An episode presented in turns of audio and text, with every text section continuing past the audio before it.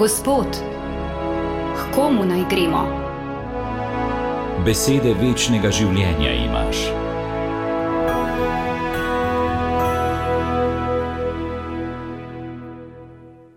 Moje ovce poslušajo moj glas in jaz jih poznam in hodijo za menoj.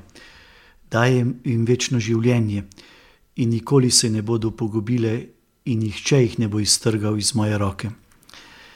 Dragi bratje in sestre, evangelij današnje četrte velikonočne nedelje, ki jo imenujemo tudi nedelja dobrega pastirja, na nek način nadaljuje zgodbo o novem ustajenskem življenju tam, kjer se je ustavila prejšnjo nedeljo.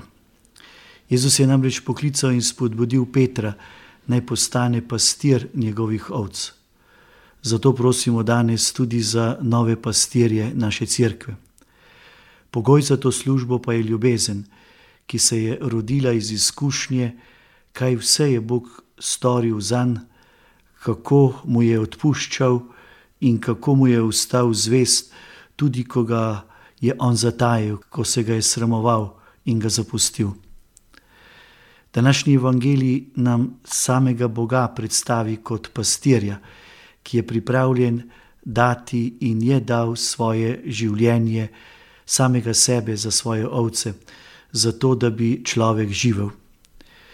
In to pove z vso jasnostjo. Tako jasno, da Jezus v kratkem odlomku, ki smo ga danes slišali, kar trikrat izreče to božjo namero. Dajem jim večno življenje, nikoli se ne bodo pogubile in nihče jih ne bo iztrgal iz moje roke. Nihče jih ne more iztrgati iz očetove roke.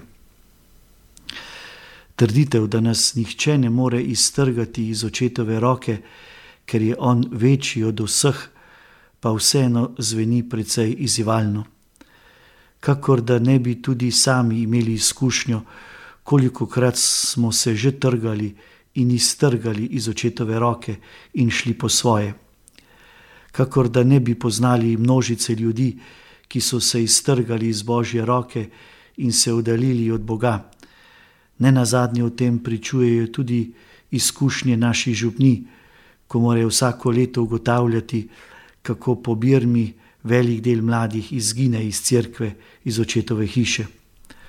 O tem ne na zadnje govori tudi vedno manjše število tistih, ki bi hoteli sprejeti službo pastirja.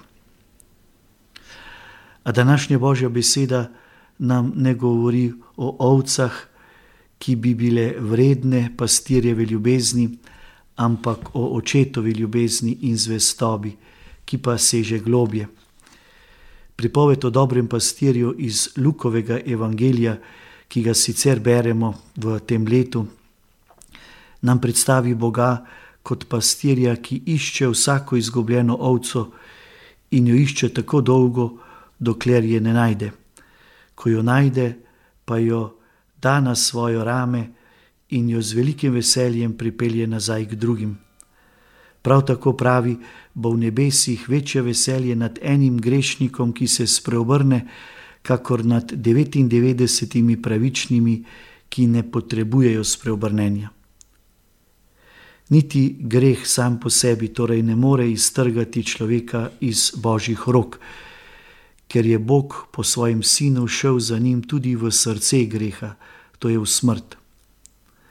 Pismo Hebrejcem pravi, nimamo velikega duhovnika, ki ne bi mogel imeti sočutja z našimi slabostmi, temveč podobno preizkušenega v vsem, vendar brez greha.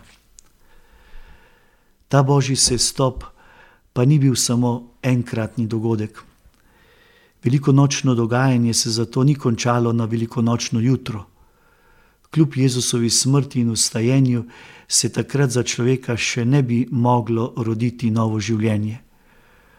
Učenci so bili še zgolj od zunaj, pretreseni od ciljnih dogodkov, njihovo srce in mišljenje pa je bilo še vedno polno starega duha. O tem so nam govorili evangeliji prejšnjih velikonočnih nedelj. Jezus jih je moral vedno znova prestregati, jih ustavljati in prepričevati, naj čakajo. tudi po njegovem odhodu, naj čakajo na očetovega duha, na njegovo obljubo. Šele ta jih bo rodila na novo od zgoraj. Ta obljuba duha se je za nje izpolnila na binkošni dan, za nas pa na naš krstni dan, ko se je novo življenje neizbrisno naselilo v nas. To novo življenje po duhu so v resnici tiste očetove roke, iz katerih nihče ne more več iztrgati človeka, tudi grehne, saj ga je sin svojo smrtjo premagal. Lahko človeka sicer ohromi, lahko ga omrtvi, lahko da bo rojevalo zelo pičle sadove, da bo komaj živel ali životaril, a božje roke nad njim se več ne razklenejo. To je naša velikonočna vira, to je vira v moč novega življenja, v katerega smo rojeni po duhu.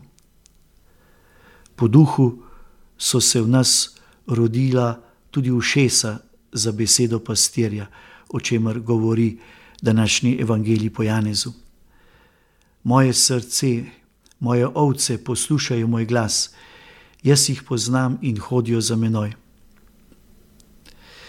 Danes, ko je v zraku toliko glasov in besed, je še toliko pomembneje zavedati se, da nam je bil pri krstu dan tudi ta poseben organ, ki lahko sliši Božji glas, ki ga lahko prepozna kot glas pastirja, ki ga čuva in vodi kot glas očeta, iz katerega naročja se je rodil.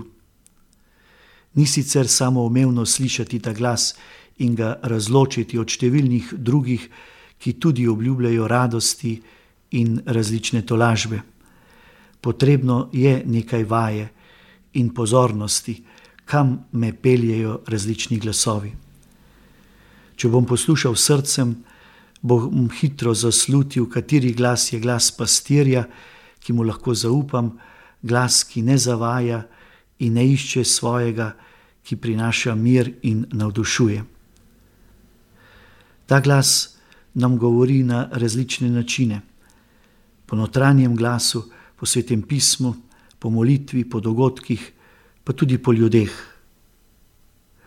Tako je eden od osnovnih korakov naše sinodalne poti prav vaja v pogovarjanju in poslušanju.